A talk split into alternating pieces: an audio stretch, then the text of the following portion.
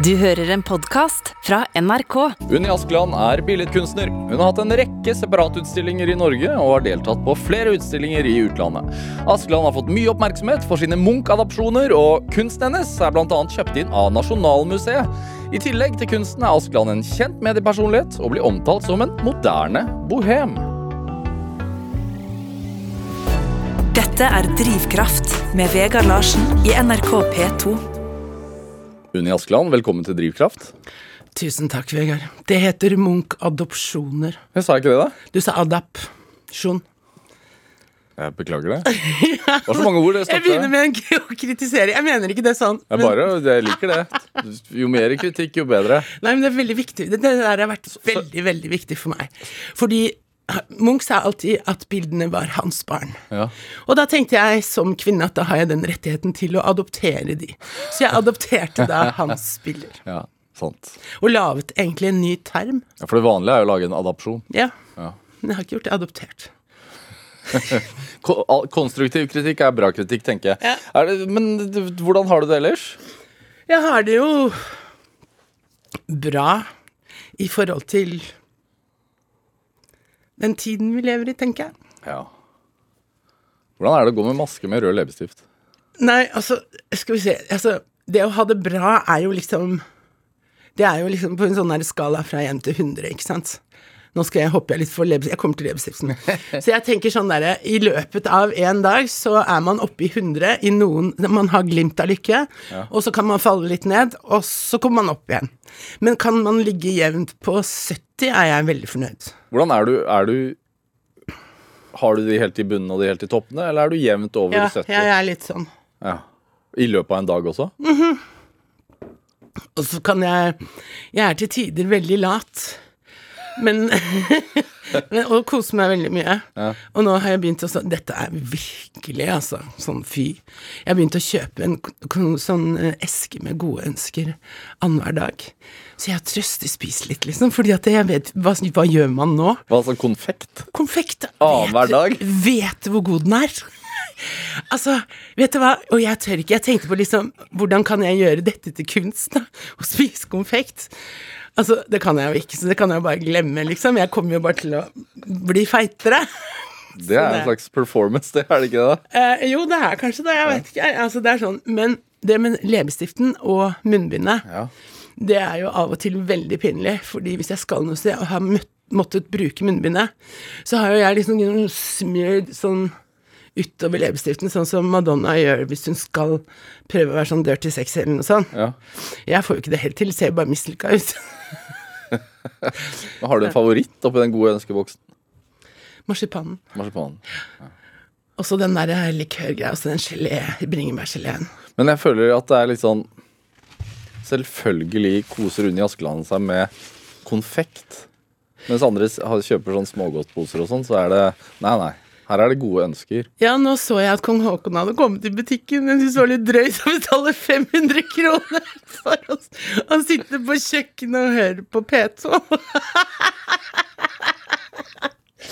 Så det Men er det litt sånn fordi at hver dag er en altså fest? Det skal i hvert fall være konfekt, liksom? Ja, og du er et smykke. Ja, ja er det litt sånn? Åh. Ja, litt. Men samtidig så er jeg litt Jeg vet ikke, kanskje jeg er blitt så bortskjemt eller så gammel at jeg vil ha kvalitet.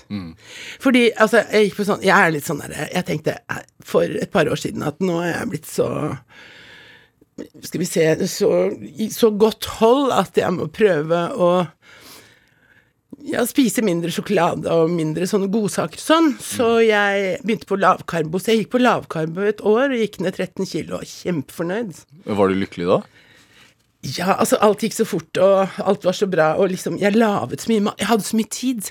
For det var jo i begynnelsen av covid-perioden, ikke sant. Så jeg hadde så innmari mye tid til å kunne marinere kjøttet mens jeg malte på kjøkkenet. Så da var det sånn derre Jeg har forresten sånt hus som Munch hadde, som de rev på Ekely. Det er sånt hus jeg bor i. Altså en sveitservilla? Ja, fra, i tre etasjer. Så da hadde jeg bildene på kjøkkenet, og inne i spisestua, og ut der, og så flytta de opp i annen etasje, og nå er de i tredje. Bildene? Ja, Ja. fordi at da var jeg alene, så da var det mye sånn Det var mye redsel og frustrasjon for dette viruset. Mange venner jeg aldri kunne se, kunne ikke gjøre noe isolert. Veldig mye FaceTime-fyll, eller vin.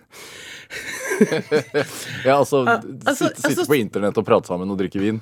ja. Men så gikk det et år, da, og så flyttet barnebarnet mitt inn til meg, og så nå er det litt sånn Skal jeg sitte og se på at han koser seg? Når vi har julekalender, og når vi skal ha mat, og når vi liksom Kakao med krem og sånn, skal ikke jeg også få? Så jeg har gått litt inn i den førjulsgreia hvor jeg rett og slett Jeg nyter livet ja. i små doser om dagen. Det er ikke små doser heller, vet du. Det er gjerne ti konfektbiter på en gang. men, men, nok om det. Dette er Drivkraft med Vegard Larsen i NRK P2. Og I dag er billedkunstner Unni Askeland her hos meg i Drivkraft på NRK P2. Altså Du nevner eh, huset ditt, Sveitsvilla, eh, men du har atelier nå i tredje etasje, eller er det på kjøkkenet? Eller hva? Hvordan ser det ut hjemme hos deg, rett og slett? Det, det er et, et eventyr, men det er også et, et hav av bøker. Jeg, eh, jeg er så bokgal og fascinert, og at jeg bestiller de nye, alle de nye bøkene som kommer hele tiden, sånn skjønnlitteratur og poesi og sånn, hvis de nå er av litt sånn dypere interesse, da. Får du lest de, da? Eh, Jeg får lest de sånn no noenlunde. Jeg driver med tre stykker, nei, fire nå. Men jeg leser Bukowski hver morgen nå. Okay. Og i dag leste jeg The Mockingbird, og det var liksom sånn åh, Hvorfor Bukowski? Han er jo fantastisk, og så er han en ramp, altså. Han er ram, han er dirty, han er skitten, han er Han er liksom Han er fin, altså. Han er, og så er jævlig flink, han er genial, ikke sant. Jeg husker Barfly, når den filmen kom. Med Faye Dunaway og Mickey Rourke. Mickey Rourke var da mitt store idol på 90-tallet. Det var sånn at jeg liksom måtte tenkte liksom skal jeg, åh, Og jeg elsket den filmen, ikke sant. Og boka og alt. Det var jo på slutten av 89-90, tror jeg den kom. Mm. Så Bukowski har fulgt meg litt siden det. The Post Office, altså alle disse her tingene. Men nå Jeg har vært så opptatt av poesi fordi tiden min som jeg har til meg selv, er så verdifull at på en måte da, da kommer du ikke gjennom store romaner, da kommer du gjennom poesi. Og så det har jeg jo skrevet selv også, ikke sant. Så jeg eh, dro jo til Lofoten i februar 2020 og skrev en bok med 50 dikt. Og så fant jeg ut da når jeg kom hjem fra Lofoten, da så stengte jo Norge ned.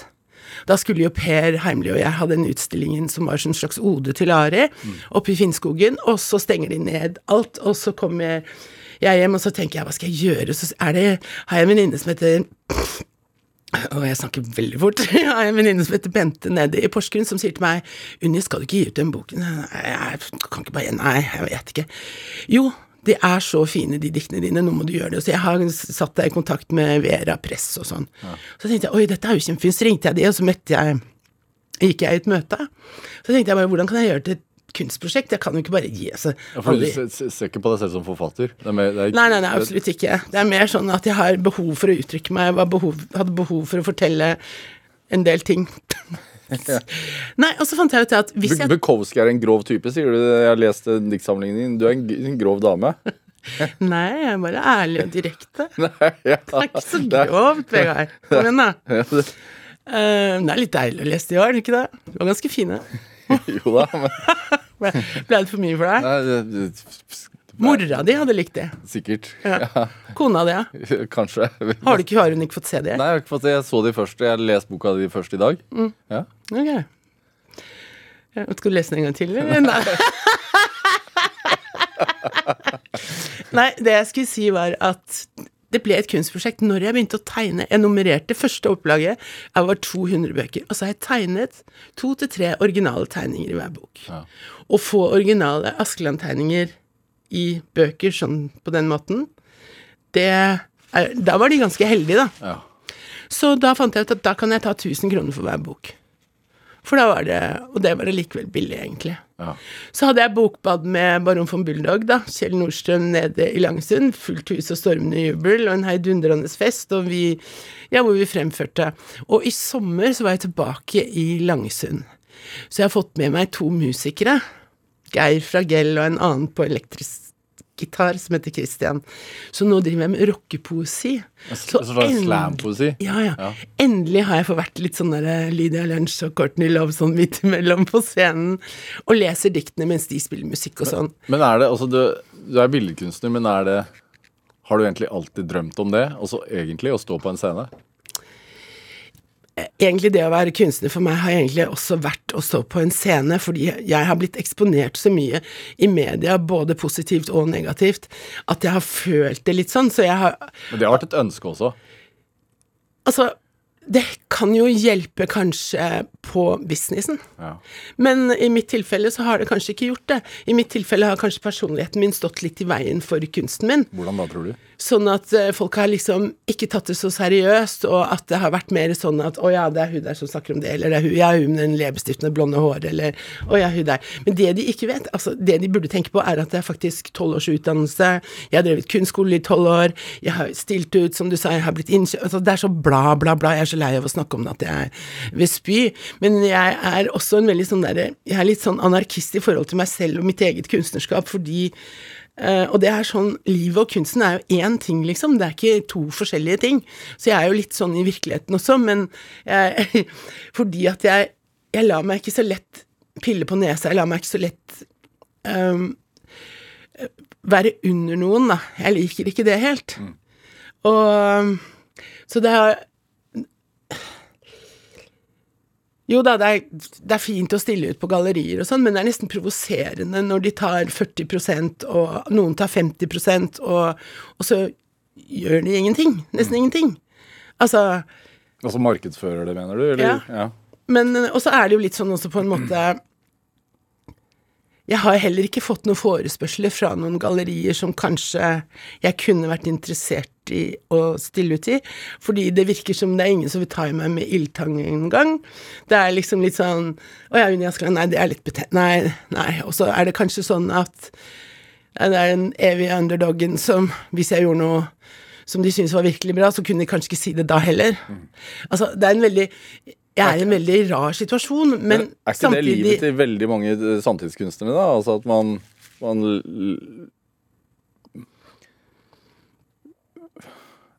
blir misforstått eller føler seg misforstått, og så blir man kanskje mer Det har vært tendenser hos mange at man kanskje blir mer anerkjent Etter sin død. etter sin død, ja. Jeg syns ikke det er så, er så sant i dag, ja, fordi at jeg syns jo egentlig i dag er det veldig mange som gjør det veldig bra. Det spørs bare hvor du befinner deg i, i miljøet og i, i det kunstbildet i Norge. Det er veldig faktisk interessant. Jeg følger jo en del unge kunstnere som jeg også har veldig lyst til å jobbe med nå etter, etter jul, og faktisk litt morsomt at flere av de har sagt ja, da. Til å komme, fordi jeg har også et stort atelier på Jessheim, så jeg skal begynne med en serie med store bilder.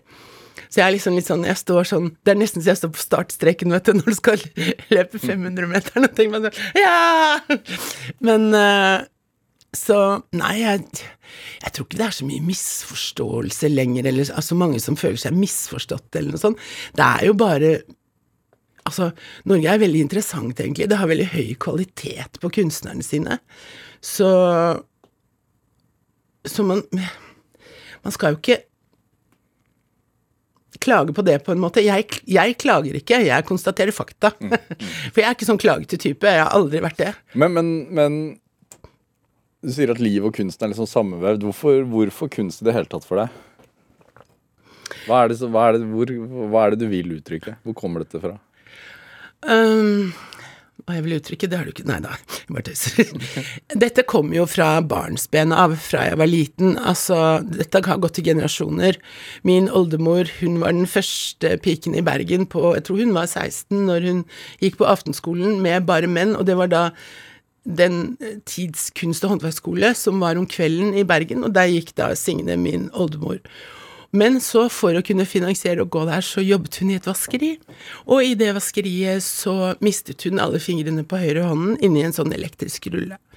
Så hun la ifra seg alt arbeidet og flyttet i en veldig fin leilighet og giftet seg med oldefar og fikk mormor, og mormor fikk da streng beskjed om å ikke gjøre de samme tingene, ikke begynne å tenke på å bli kunstner, men å begynne på industriskolen. Men hun var også veldig sånn, hun lagde ting, hun fortalte historier, altså hun var også veldig sånn. Ja. Og så kom mamma da, og hun hadde også veldig lyst til dette, og var, alle disse damene var kanskje mye flinkere enn meg, men de levde i en helt annen tid. Så dette er veldig interessant. Hvor er du født? Bergen. Ja. Jeg er bergenser tenke seg til. Ja, hvor er den dialekten blitt av? Nei, den begravde jeg nok når jeg begynte på skole her borte på Østlandet og sånn, kan jeg tenke meg, for jeg kom hit i fire-femårsalderen. Ja. Så det, og mamma fikk ikke lov. Og mamma ble gravid med meg som 18-åring, så hun måtte bare da pent gifte seg med pappa. Flytte hjem til farmor. Det er, det er Tenk hvis noen hadde bedt meg om det når jeg ble gravid første gangen som 22-åring. Det er ganske interessant. Altså, Men, du, du, vokste opp hos, hos, farmoren din også? Ja, i begynnelsen av livet mitt, da når jeg ble født, ja, så bodde vi der. Til Søsteren min ble født to år etterpå da. Ja. Så da bodde vi fremdeles hos farmor ja, i St. Olavs gate i Bergen. Mm. Men det med kunsten er ikke lenger noe spørsmål. Det er ikke lenger Det er bare sånn det er. Jeg våkner og jeg ser for meg bilder. Jeg har en sånn en notatblokk på mobilen, så jeg skriver ned hele tiden sånne ting. Helt sånn at når jeg da virkelig begynner, så har jeg alt foran meg. Og så kan jeg tegne litt, og så kan jeg gjøre litt av sånne ting. Og så skriver du ned ideer? Ja, ja, hele ja. tiden. Hva er det siste du skrev? Har lyst til å vite det? ja. Blod på ruta. Oi. ok. Hva, det er absolutt det ja. siste jeg skrev. Hva er grunnen til dette her? Åh, dette her er så pinlig. Yeah. Det er liksom sånn jeg er, jeg er sykelig opptatt av Blacklist, den serien. Så jeg har sittet og sett på den nå snart i tre uker hver eneste dag. Jeg er så fascinert av Reddington. Og det er så grusomt og det er så forferdelig, alle de bildene, alle de tingene og alt det der. Men samtidig så går det en rød tråd gjennom hele serien, hvor de følger da Reddington og da Agent og alle de, alle de folka. Altså jeg kunne, jeg kunne, fortalt deg historie på historie hva jeg så senest i går, men jeg skal ikke det. Og jeg tror på en måte sånn Det er tre three topics, liksom. Det er livet, døden og kjærligheten. Mm. Og nå er jeg kommet liksom litt tilbake til døden igjen. Jeg har jobbet med døden før. Jeg jobbet jo med Jeg laget jo en stor utstilling sammen med Morten Viskum og min eksmann, da, Sverre Bjertnæs, mm. eh, eh, som het Nekrologer. Og det var jo på 90-tallet. Og da jobbet vi veldig intenst med dette her med spørsmålet om døden og sånne ting. Morten er jo kanskje i nærheten av det mye mm. mer. Så jeg havnet litt tilbake der, da, men kanskje litt mer sånn uh, liksom grusomme ting. Men jeg vet ikke om det blir bilder av det. De siste bildene jeg la ut, er av bena mine med sånne tagger, vet du. Sånne eh, Der det står navn og sånn, og hvem som ligger, som er lik. Uff a meg. Ja, ja, men jeg la ut tre av, alle, av bena mine, trykt i på lerretet, så det er helt sånn her Jeg vet ikke om det tar meg alvorlig engang, men så står det på den ene så står det I am alive. Er det en slags Contradiction. På, på, påminnelse, eller er det en motsetning? Er det Det er jo virkelig det, e, egentlig. Og så høres det jo litt patetisk ut også på samme tid, samme tid, men samtidig så er det kanskje ikke det. Fordi jeg blir jo minnet på hele tiden at jeg har en veldig Jeg har en sånn stor bursdag til sommeren. Blir 60 år. Ja, jeg gjør faktisk det. Ja. Og jeg føler meg jo ikke sånn i det hele tatt. Jeg forstår jo ingenting. Ja, hvordan er det? Det er helt rart, fordi at det første du tenker Ok, bare gjør opp status med en gang at du kommer ikke til å leve like lenge som du har levd. Nei. Ikke sant? Og, og litt flaut det der med at jeg er så innmari glad i unge menn, ikke sant. Jeg elsker unge menn. Altså, hva skulle jeg gjort ute er, det, er det i det hele tatt lov å si? Ja, men altså, hvorfor er ikke det lov å si? Hvor gammel er kjæresten til Madonna? Av 27 nå? Ja. Hun er 64 eller noe sånt? Klart det er lov å si. Men jeg har ikke noe kjæreste, altså, på 27. Jeg har ikke det. Men jeg syns uh, Ja. Dette, altså, du, du, du, nevner jo tidligere at du koser deg med Bukowski på morgenen. Alt jeg må mm. si. Og eh, grensesprengende forfatter. Uh, hva, hva, er det som tiltrekker deg med det grensesprengende? Jeg tenker det er kanskje det altså Kjenne på en følelse som er litt sånn forbudt, på en måte. Ja. Men samtidig får deg til å føle veldig mye. Har det alltid vært sånn? Mm. Fra så lenge du kan huske? Mm. Hvorfor det, tror du? Sikkert fordi jeg har hatt en del opplevelser i livet som har vært ganske sterke, og veldig Ja, litt ja, sterke opplevelser i livet som har gjort meg veldig sterk, på en måte. Hva slags opplevelser? Det er enkelte ting jeg ikke har lyst til å snakke om, og det Det er selvfølgelig greit. Er ikke det greit. Absolutt. Men det er en del ting i barndommen og en del ting fram til i dag og som har gjort at jeg har veldig høy toleransegrense. Så jeg tåler veldig mye og på en måte sånn før jeg virkelig reagerer, men jeg er allikevel veldig sånn følsom, veldig lettlurt, veldig Altså, jeg ler jo like fort som jeg griner. Altså Hvordan er det? Det er kjemperart. Men, Nei, men å, ha, å være og så ha hva skal man si, følelsene så Utenpå. utenpå seg selv. Ja. Eh, Det er jo da blitt en vanesak. Vi er jo sånn hele gjengen. Døtrene mine og mamma, hele gjengen. Vi er jo sånn. Ja. Så Du, du, du, du, var så vidt innom i Bergen, der du ble født og vokste opp hos farmoren din. Hvorfor flytta dere til, til Østlandet? fordi pappa fikk jobb. Ja. Så tror jeg mamma ville det. Hun ville bort fra Bergen og alt det som var der. Hun ville liksom sikkert begynne på nytt og få det et sånt fritt, friere liv, kanskje. Hvor havna dere da? Du, vet du hva, det er veldig morsomt, og de blokkene står der ennå. Det står fire blokker på Kalbakken. Vi bodde i en av dem i fjerde etasje, tror jeg. Det var første stedet vi kom til. Og der husker jeg satt fast i heisen, så jeg turte ikke å ta heis før jeg var 18 år etter det. Fra jeg var fire til jeg var 18. Jeg gikk trapper. Jeg husker mamma og de hadde som venner på Romsås. Hun bodde oppe i åttende eller tiende etasje i de nye blokkene vet du, med Picasso-greiene på. Og da, måtte, da gikk jeg. Mens de tok heis, så gikk jeg opp, for jeg turte ikke. For det, jeg hadde sånn Da, satt jeg, da lå, var jeg nede i heisen. Jeg stikker pinner ned imellom, vet du. Sånn gamle heiser sikkert som Med dør som man måtte dra igjen og sånn? Ja. Hvor lenge satt du inni den? da? Er sikkert en stund siden det var så traumatisk. Men eh, så i dag har jeg jo Altså, jeg har jo vært i toppen av Empire State Building. Du gikk ikke opp Jeg gikk ikke der. Men eh, Nei da, så Også fra Grorud til Rånåsfoss, til et gammelt hvitt hus inne i skogen. Det var kjempefint. Med idyllisk hage og sånn.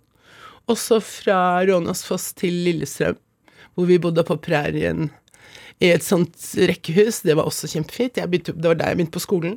Da hadde jeg en nydelig katt som nabohunden spiste opp, eller drepte. Det glemmer jeg aldri. Så, ja, men det er sånne, sånne ting som Ikke sant? Jeg, jeg har en veldig sånn Har alltid hatt veldig hang for katter. Vært veldig opptatt av katter og hatt katter. Jeg dro med meg katter hjem hele tiden. De var helt fortvila. Men så Når jeg var sammen med Sverre, så fikk jeg en mops. Og så en liten, hund, ja. Ja. ja. Og den mopsen ble hos meg i elleve og et halvt år. Så det var helt sånn, så Maja og jeg vi var sånn, så, så det med hund i dag altså nå, Jeg har jo så lyst på en ny hund, men så føler jeg hele tiden Tenk hvis jeg ikke liksom Tenk hvis jeg blir sånn sted Altså bundet og ikke Hvis jeg plutselig liksom skal gjøre noe. Men nå er jeg jo det allikevel av at jeg har en tolvåring i huset, på en måte, da. Så må alt planlegges og det må, det må en god logistikk til for å Det er veldig mange ting jeg har vært nødt til å si nei til, men så tenker jeg alt det jeg har fått igjen, er allikevel verdt det. Hva, hva lærer du av å ha barnebarnet ditt boende hos deg? Altså om deg selv?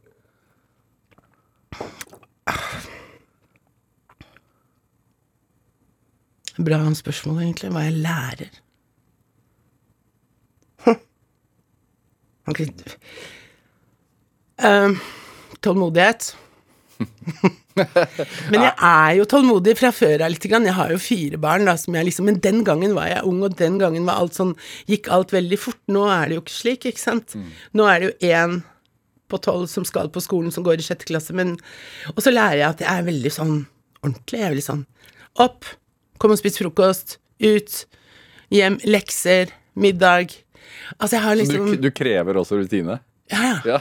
Bohem. Bohemdronningen krever rutine. Men samtidig så er jeg litt sånn også fordi at han har med seg kamerater hjem og vil ha de der og liksom alt det der der, så, så spør han sånn Ja, skal ikke du gå ut Jo der kan godt gå ut en tur, ikke sant, så Jeg gjør jo det også. Han er jo veldig selvstendig og veldig flink, og har blitt veldig flink til å lage mat, så han lager ofte middager og Hvem var, hvem var du som tolvåring? da? Åh, var jeg kjempestor, tror jeg. Jeg husker det. Du var kjempestor. Ja. Hva betyr det? Jeg var bare veldig på en måte voksen, for jeg husker hvordan jeg tenkte i sjette klasse. Jeg husker det litt. Så jeg var veldig stor. Jeg var veldig sånn Jeg hadde allerede da tatt veldig mye ansvar. Det husker jeg veldig godt, faktisk. Det er rart du spør. For det tenkte jeg på her forrige dagen, for jeg begynte også å se på hva de gjør, og hva de lærer og sånn, ikke sant. Hva som er i norsk og engelsk og De er jo så mye flinkere i språk i dag. På grunn av nettet, ikke sant. På grunn av alt. Så har jo Og så er jo Men Du følte at du kjente livet allerede, liksom, som tolvåring? Ja. Ja. Absolutt. Som fireåring, egentlig. Ja. Hva drømte du om, da? Har man lov til å ha drømmer, da, hvis man føler at man må ta ansvar som tolvåring?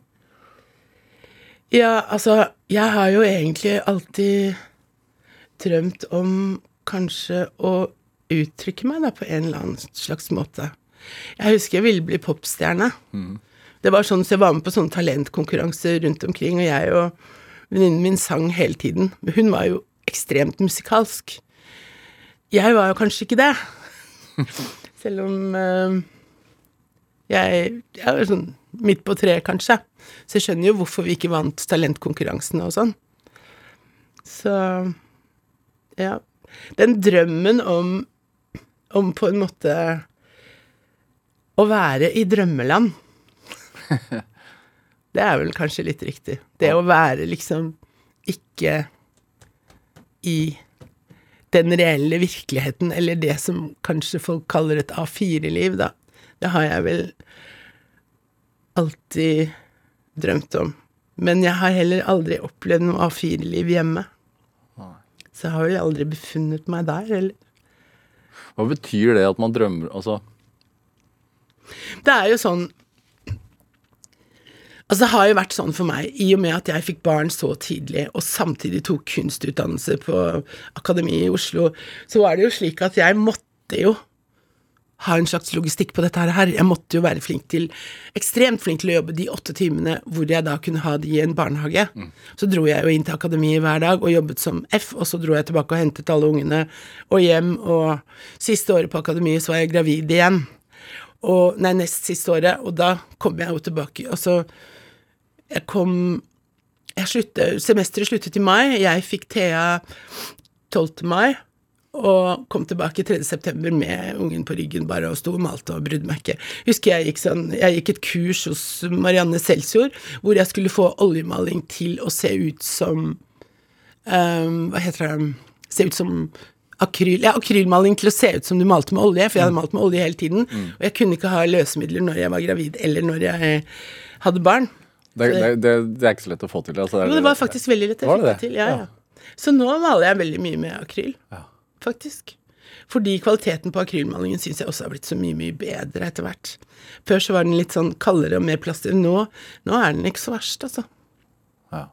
Så jeg bruker mye av det, særlig hjemme i huset. Hva malte du den gang? Vet du hva? Jeg malte litt sånn grusomme bilder. Fordi jeg stilte de ut i Bergen nå sammen med sønnen min, for sønnen min er jo billedkunstner nå, og bor i Bergen. Og, og stille ut Han åpnet faktisk en utstilling i går også, så jeg er virkelig i farta. Han er altså, han er ti steder på en gang. Nei, og da hadde jeg noen sånne figurer, sånne skrekkslagne kvinnefigurer som var tegnet opp i svart med sånne skri skrikende nakne med rød bakgrunn og sånn. Veldig sånn De hadde jeg også med på den utstillingen på Haugar som het Etter Munch. Mm. Så Ja. Veldig direkte og ekspresjonistiske ting. Veldig selvutleverende ting. Sinte ting? Nei, Triste ting? ja, kanskje litt sinte og litt triste på en måte, fordi Det er ikke alltid at realiteten i ens liv blir slik som Altså blir slik man vil at det skal være, og det man drømmer om, så kanskje de tingene um, Kan man få ut på lerretet, da. Men jeg vet ikke om det, er, om det er en slags form for terapi heller allikevel. Det har jeg tenkt også veldig mye over. Men eh, jeg syns det er rart å ta utdannelse i selvterapi, så det har jo ikke vært det. Det har vært rein, skjær eh, altså interesse for kunst, da. Ja. Så jeg var tidlig rundt omkring i verden og så på, eller Europa, og så på kunst, og opptatt av det veldig tidlig. Og det var overalt i hjemmene til både mormor og morfar og farmor og Hva slags kunsthang er det? hos farmor eh, Under krigen så bodde Jakob Weidemann hjemme hos farmor og farfar. Så han betalte jo med da malerier. Så det er veldig mange Weidemann fra den tiden i familien, da. Så det var det, det jeg vokste opp med, liksom. Men det å se det på veggen er jo én ting, men hadde dere et Altså, var, var kultur vesentlig hjemme hos deg, liksom? Så du sa at moren din hadde et ønske om dette her, og Ja, ja, alle hadde jo det. Alle var flinke til det. Alle var, men vi hadde veldig sånn Jeg hadde en veldig morsom familie. Veldig eh, spesielle personligheter. Veldig sånn Jeg var aldri utrygg uansett hva som skjedde, og det har jeg tenkt veldig mye på nå i voksen alder. Hvordan man kan gjøre dette sånn også for sine egne, da. Men eh, Og så tenker jeg, husker jeg det med oldemor, da, som var så helt vilt på en måte at hun For hun hadde så langt mørkt hår at hun satt på fletta si. Og når hun da mistet fingrene sine, så klippet hun bare av seg fletta. Og så tok hun alle tegningene hun hadde tegnet, så rullet hun bare den fletta inni de tegningene. La det på loftet, og det. Ja, det var. så Hvor er den fletta i dag, da? jeg vet ikke. Tanten min, tror jeg. Um, Unni Askeland, vi skal høre litt musikk. Ja. Du har med Johnny Mitchell-låt. Uh, veldig kjent Johnny Mitchell-låt, Both Sides Now. Også, hvorfor Johnny Mitchell? Hun er, Jeg- gu, hun er gudmoren din, er hun ikke det? Nei, ikke min. Datteren min. datteren sin, Ja, ja. en av døtrene mine. Ja. Fortell. Eh, Joni var vel eh, altså, Først og fremst Hun var også kjæreste med Erik, tror jeg, som jeg var sammen med i veldig mange år. Og så Altså din, ek, din eksmann Ja, Erik Andersen? Andersen. Ja, Erik Andersen. Og så er faren til barna mine, ikke sant. Og så eh, Jeg husker første gang jeg møtte henne. Det var på Bottom Line i New York. Og da spilte vel Erik med henne. Da var vi vel det var, Jeg husker ikke om det var Erik sin eller hennes konsert, men det var vel hennes. Og så var vi backstage etterpå, og så Erik var veldig sånn Skulle alltid vise fram hvor flink jeg var, liksom. Så han, med, så han har fått meg til å lage en sånn portfolio da, med alle maleriene mine og sånn. Og så satt, husker jeg hun så igjennom den, og satt og så på hvert eneste bilde, og så ser hun på meg, og så sier hun When I look at this, I understand why I do music full time and not uh, painting. og det var kanskje et kjempekompliment. Altså, Ja. det var jo virkelig et kompliment. Så andre gangen jeg møtte Joni, var i en kjeller på en sånn der basement-konsert i New York, hvor da Det var helt krise. det var stappfullt. Og der var da eh, Chrissy Hines og Carol King. Og de røyk i tottene på hverandre, så de begynte å slåss. Så Carol King begynte å grine, og hun hadde på seg pels og var veldig sånn Hun var sånn mm, mm, mm. Mens Chrissy Hines hadde sånn snekkerbukse og var helt sånn derre så jeg gikk imellom, husker jeg, så gikk jeg bort til Carol King, da, som sto og gråt i et hjørne, og tenkte Må jo snakke litt med deg. Så Men ja. Og så var Nei, det var Det var, det var Ja. Men Joni hun har laget så mye fin musikk, og hun representerer en era i musikken som Ja. Hva betyr den låten for deg, da? Den låta betyr veldig, veldig mye på grunn av teksten, selvfølgelig. Nothing more to say.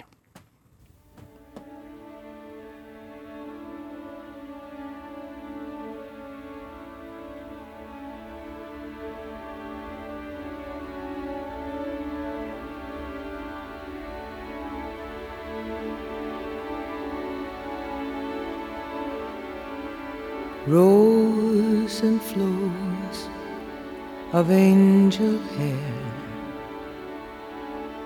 and ice cream castles in the air, and feather canyons everywhere. looked at clouds that way. But now they only block the sun. They rain and they snow on everyone. So many things I would have done. But clouds got in my way. I've looked at clouds from both sides now, from up and down, and still somehow it's cloud illusions I recall. I really don't know clouds.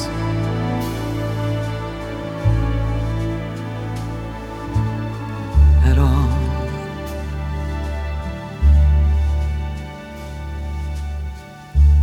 moons and Junes and Ferris wheels. The dizzy dancing way that you feel as every fairy tale comes real. I've looked at love that way. But now it's just another show and you leave them laughing when you go. And if you can, don't let them know. Don't give yourself away. I've looked at love from both sides now, from give and take, and still somehow love's illusions that I recall. I really don't know love.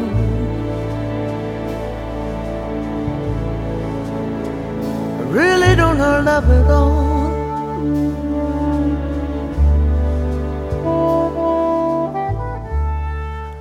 Fikk eh, nydelig Both Sides Now fra Joni Mitchell her i Drivkraft på NRK P2. Valgt av dagens gjest her i Drivkraft, nemlig kunstner Unni Askeland. Du blir rørt her i studio mens vi hører på. Ja. Hvorfor det?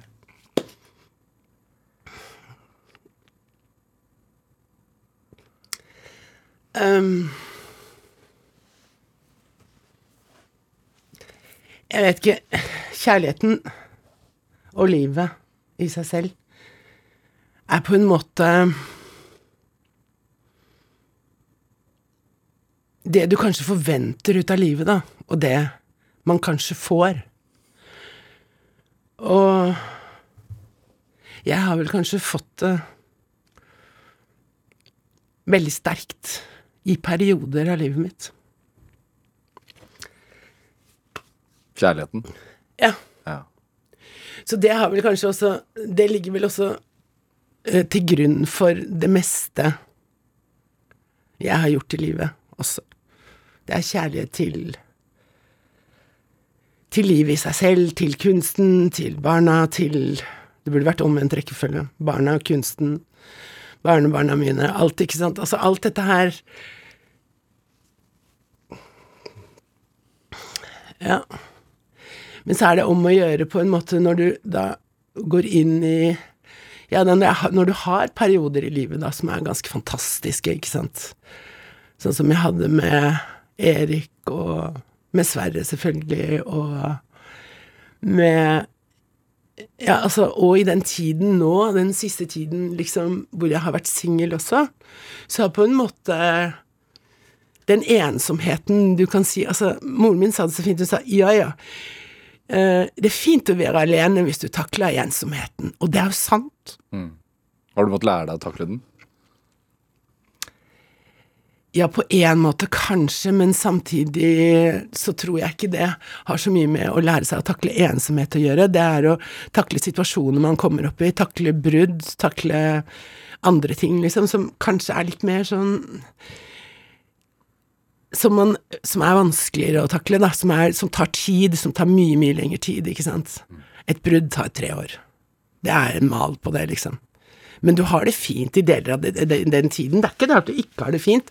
Du har det fint, men du Du Du blir så satt ut fordi den hverdagen du kanskje hadde La oss si i ti år, da. Den er ikke der lenger. Det er så You pull the rug under my feet, liksom. Og det samme skjer jo når du blir forelsket, når du begynner på nytt, eller når du får et barn, kanskje, eller hvis du får til virkelig noen jævla bra bilder, liksom, så yes, yes, yes! Så får du en sånn derre, ikke sant, du får en sånn eufori, og alt er jo egentlig kjærlighet. Blir du Hvor forelsket blir du? Er litt sånn dum. Min siste forelskelse er den mest urealistiske forelskelsen jeg har hatt i hele mitt liv. Og den kan komme tilbake litt ennå og sånn, men jeg forsto det fra første øyeblikk at det ikke kom til å kunne være noe som helst, liksom. Samtidig som det er et av de fineste vennskapene jeg har, da. Du, du sa Når det er der, liksom. Så Vi snakket om eh, da du var ung, altså at du kanskje drømte om å leve et liv som som var en slags sånn drømmetilværelse, eller sånn hva, hva, Jeg husker ikke helt ordene du brukte, men altså at det ikke var var ikke helt virkelighet. Men på en måte så lever jeg det. Mm, føler du det? At du, har, Ja, at du har klart å leve ut den drømmen på en, på en måte? Det er litt slik. Altså, du kan si sånn Det er bare det å komme inn i huset mitt. Det er sånn Fy søren, så deilig. Ja. Det er bare det å komme inn i den gangen som er full Nå er den full av pappesker, fordi ungen har fått en ny seng. og så vet jeg ikke hva jeg skal gjøre av pappeskene. Jeg må sitte og rive de i biter for å legge det i dunken, ikke sant. Så står de, Men så tenkte jeg, kan vi ikke lage en teaterscene? Kan vi ikke lage et julespill, liksom? Så nå har jeg tenkt på det, da. Så kan jeg flytte opp i tredje, og så lage en teaterscene. Så kan vi lage noe sånn Fordi jeg er blitt litt inspirert av årets julekalender på NRK. så liksom det skal så lite til alle disse tingene, selv om jeg jobber med mine egne ting, så er også det å gjøre hverdagen eh, fin, da, er veldig viktig for meg. Det kreative, altså det kreative og det, Eh, Jeg hater egentlig ordet kreativt, men fordi alle er så forbanna kreative for tida. Så det er liksom sånn derre ja, Hva kan man bruke i stedet? Eh, Å skape Ja. en hverdag Ja. Som er fin, liksom uansett. For det vil alltid være et eller annet som skurrer, skurrer på en måte. Sånn, vi er sånn, vi mennesker. Det skal noe til å være 100 fornøyd.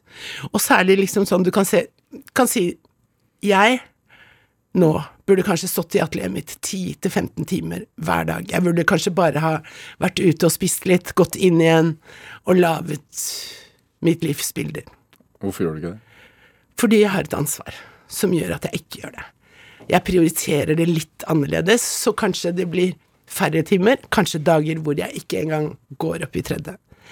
Men jeg går alltid opp i andre. Men jeg gjør alltid et eller annet. Og jeg leser, eller jeg gjør noe, eller jeg går Altså, men jeg vet av erfaring at ting samles opp. Ting lagres. Ting, ting blir bare bedre og bedre og bedre dess lenger du jobber med det mentalt. Og så når det først kommer ut, så er det pang, altså. Da er det liksom Det er som en vin, si. eh, årgangsvin. Ja. Det er som, ja Godt voksne damer. Nei da. Hvor, hvor, hvor vesentlig er det i kunsten? Uh, vin og rus. Ehm, det er jo en slags sånn derre Det er jo en kunstnermyte. Du må drikke, og så skal du male, og så skal du Den gamle var jo også alpeluen i tillegg, da. Men uh, jeg tror ikke Altså, det er jo veldig hyggelig med vin og med På vernissasjer og sånn, og det er jo veldig sånn Jeg vet jo at det er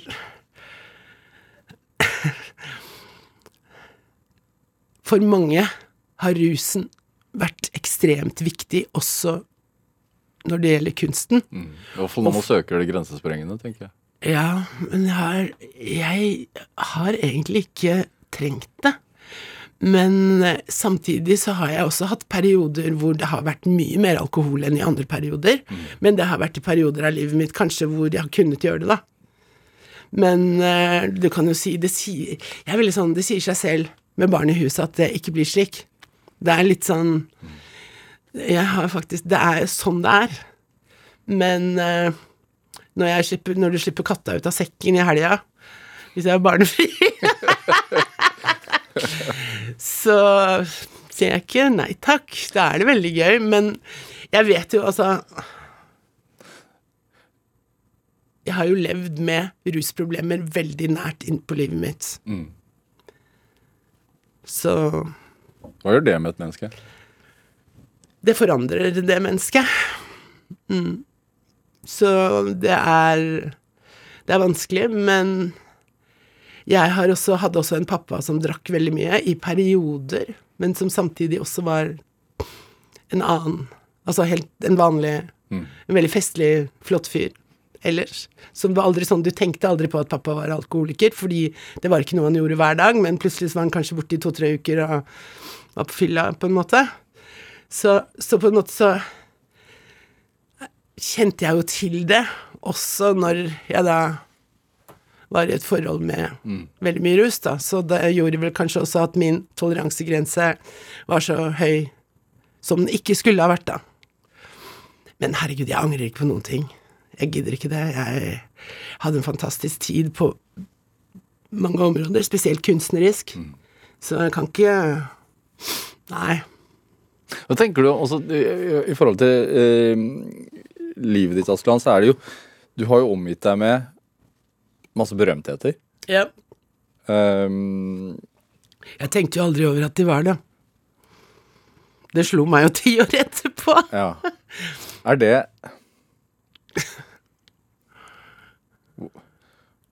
men, men har du sett hva det kan gjøre med et menneske? Å bli veldig altså sånn Har det vært en drivkraft for deg? Også det å bli berømt? Nei, det, det tror jeg ikke. Nei. Det er veldig mange som har sagt at jeg er liksom den perfekte ekshibisjonisten og sånn, men jeg, jeg tror ikke jeg er det heller. Jeg tror jeg er jævla forfengelig, liksom. og, og at jeg liksom liker kanskje å prøve å ta meg godt ut, og jeg har ikke helt fått det til i dag, da, for jeg sovna, skjønner du, rett før jeg skulle ut og måtte ta taxi. Men uh, Så jeg tror at det Å, fader. Jeg mister litt tråden på det der. Det er vanskelig. Nei, jeg tror aldri Det var jo sånn, altså De gangene da eksempel når Lou Reed var hjemme på Kløfta, det var ikke så veldig mye at du tenkte over at der sitter Lou Reed, liksom. Det gjorde jo alle andre. Ikke vi. Vi var jo litt sånn vant til å se han i New York og Italia og litt sånn Og det var det samme med Dylan og sånn også. Johnny Mitchell og Jeg vet ikke. Og han Corso husker jeg innmari godt, han der beatpoeten. Herbert Hank Altså alle disse store personlighetene som levde rundt i New York i den tiden jeg var der med Erik. Det var jo liksom bare sånn Det blir som krydder. Det blir eksotisk. Ekstremt eksotisk å ha med seg og lære og liksom Oh, I'm up against this. Det er liksom sånn Besøke atlete Clemente, besøke atlete Bryce Marden Altså på en måte komme så nært innpå eh, altså store kunstnere, forfattere, musikere Altså, det er jo en gave i seg selv. Så det Men Ta for deg av livet og bli inspirert og ja, på en måte, men samtidig, det var bare sånn det var. Jeg snakka aldri om det engang, for jeg var litt sånn Jeg vet ikke. Det var sånn det var. Så Hva har vært drivkraften, da? Eller hva er drivkraften, tenker du? min, Ja. det må jo være kjærligheten. Det er, et stort, eh, det er en, det er en stor drivkraft. Hva, hva tenker du på når du sier det? Det er jo det som har drevet meg hele livet. Det er kjærligheten. Og det er som jeg sa i sted, kjærligheten til livet i seg selv. For jeg syns jo faktisk at Opp.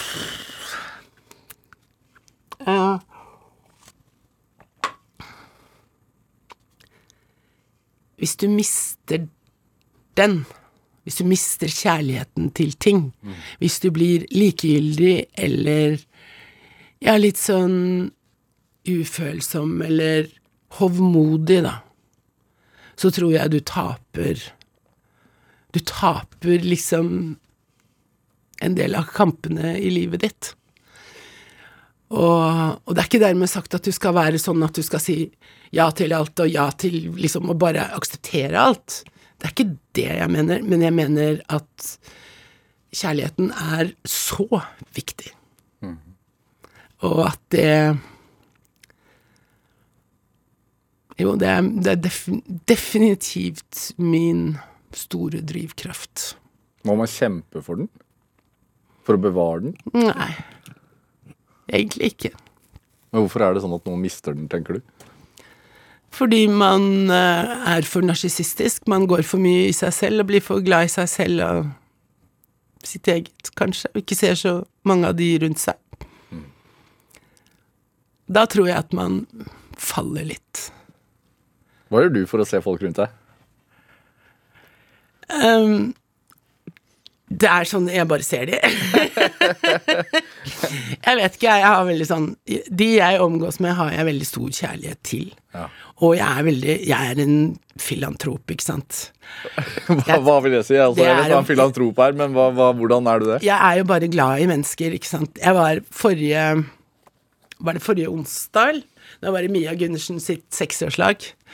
Altså, halleluja for en For så mange fantastiske mennesker jeg møtte. Og så, og ikke minst hun selv, da. Men som på en måte Disse menneskene ser jeg jo aldri ellers. For du kan si det sånn, de menneskene jeg ser, er jo stort sett familien min, og veldig, veldig nære venner av meg. Sånn at på en måte det ligger Det ligger liksom år, mange års kjærlighet i i de som jeg har rundt meg til vanlig, selv om ikke det er en mann. Jeg Nei. Hva? Nei, unnskyld. Kanskje jeg skal ønske meg en mann til jul? Hva syns du om det, Vegard? Jeg føler at jeg ønska å komme ganske klart fram i løpet av denne timen. Nei, men jeg gjør jo ikke det. Ja. Du, du føler Har du prøvd Tinder, eller er det Jeg er på alt som er. Ja. Ja, ja, ja. Det går sport i det. ja. Treffer ikke. Jakten på kjærligheten Altså, du bor jo nesten på sånt uh, Nesten på en slags bondegård. Ja, men du skjønner at jeg er blitt så sær og så egenrådig og så kresen at hvis, hvis liksom Har, er det noe, har du noe krav? Er det noe som må Ja, jeg er sepio seksuell, har jeg funnet ut. hva, hva er det for noe? At Sapio heter det. Unnskyld. Sapioseksuell. Og det er at den mannen Altså, jeg har tatt to fantastiske menn som er så intelligente at uh, det må være høy intelligens. Ja. Og så må det være en som er interessant, og så må det være Så må den være egentlig 1,90 og kanskje mørk. Det er jo ingen som Hvor skal jeg finne de hen? Men denne intelligensen, hva er det, er det for å utfordre deg? Er det for å Jeg likte jo veldig godt det med både Altså med de to lange forholdene jeg har hatt i livet mitt med de mennene, så hadde de én ting som var større enn meg, og det var det arbeidet deres. Kunsten deres. Ja. Og det gjorde jo at jeg fikk mer frihet. Og det var jo også egentlig veldig stor del av min kjærlighet til de, var det de gjorde. Så det har jo alltid vært en sånn Det er liksom Jeg mener, du skal alltid strekke deg mot det beste, liksom. Jeg skal jo strekke meg mot Picasso. Det går jo, det går jo aldri, ikke sant. Hallo. Eller altså Men tenker du det? At, uh, Ja, jeg altså, tenker at du aldri skal la deg selv liksom falle ned og si ja, ja, dette er det jeg fikk til. Ja. Det, det syns jeg ikke. Er du kritisk? Selvkritisk? Ekstremt. Hvordan merker du det? Når jeg maler og sånn, ja. Ja. Jeg, jeg, jeg har inngått en sånn liten avtale med meg selv at fra 1. januar så skal jeg ikke være det. Så skal jeg bare gå rett på. Så skal jeg ikke sitte i tre uker og tenke på hvilken farge som skal være akkurat i det feltet, og lage sånne minimalistiske malerier. Jeg skal tilbake til den ekspresjonistiske Den kraften. ja. Blir det bedre av det, tenker du? Jeg tenker det. Det blir noe nytt. Og så tenker jeg med maleri. Hallo, du kan bare male over. Det er ikke noe Men er du sånn i livet også, mot deg selv? Kritisk? Nei, det tror jeg ikke, fordi jeg er litt sånn over Altså, jeg overveier en del ting jeg gjør. Så jeg passer litt på. Men uh, jeg er ikke sånn I, I don't think I'm the world. det er ikke sånn. Nei. Nei, tvert imot, liksom. Når får vi se disse nye ekspresjonistiske maleriene, da? Ja, si det, Vegard. Det kan vi også sende ut en invitasjon til. De kunstinteresserte. Nei, jeg vet ikke. Det blir vel en utstilling i løpet av 2022, da. Den siste store tingen jeg hadde, egentlig, som var sånn, det var jo det 100-årsjubileet til med Foreningen Norden. Og da gjorde det, vi det i eget regi på, på Grand Hotell. Det fungerte veldig bra. Hvordan er det for deg at folk har bilder av deg på veggen? Det er gøy, da. Du vet Kåre Willoch, som har vært der hele mitt liv. Som jeg alltid ple har pleid å møte eller høre på hvert år på ett årsverk. Han hadde et bilde av meg på veggen i dag. Og det gjør deg stolt. Det er gøy. Jeg syns det er veldig fint. Unni Askeland, en Ja. time går altfor fort. Er- er- Eh, det er, vi er, vi er ved Er veis ende, ja. Det er sånn, sånn er det. Vi får komme igjen en annen gang. Det gjør jeg gjerne, Vegard. Det var veldig hyggelig å være sammen med deg. Tusen takk for praten. Takk. Hør eh, flere samtaler i Drivkraft på nrk.no eller i appen NRK Radio. Send oss gjerne ris og ros og tips til mennesker du mener har drivkraft. Send en e-posten til drivkraft, krøllalfa, nrk.no. Vi hører gjerne fra deg. Produsent og researcher i dag, det var Ellen Foss Sørensen. Eh, Jeg heter Vegard Larsen, og vi eh, høres igjen i morgen. En podkast fra NRK. Hele Norge kryssforhører, etterforsker, analyserer og avslører bløff. Hei, jeg heter Sara Natasha Melby. I Maskorama-podkasten får du eksklusive hint som du ikke får noe annet sted. Bare i appen NRK Radio. Gjett hvem som skjuler seg bak maskene. Hør Maskorama-podkasten i appen NRK Radio.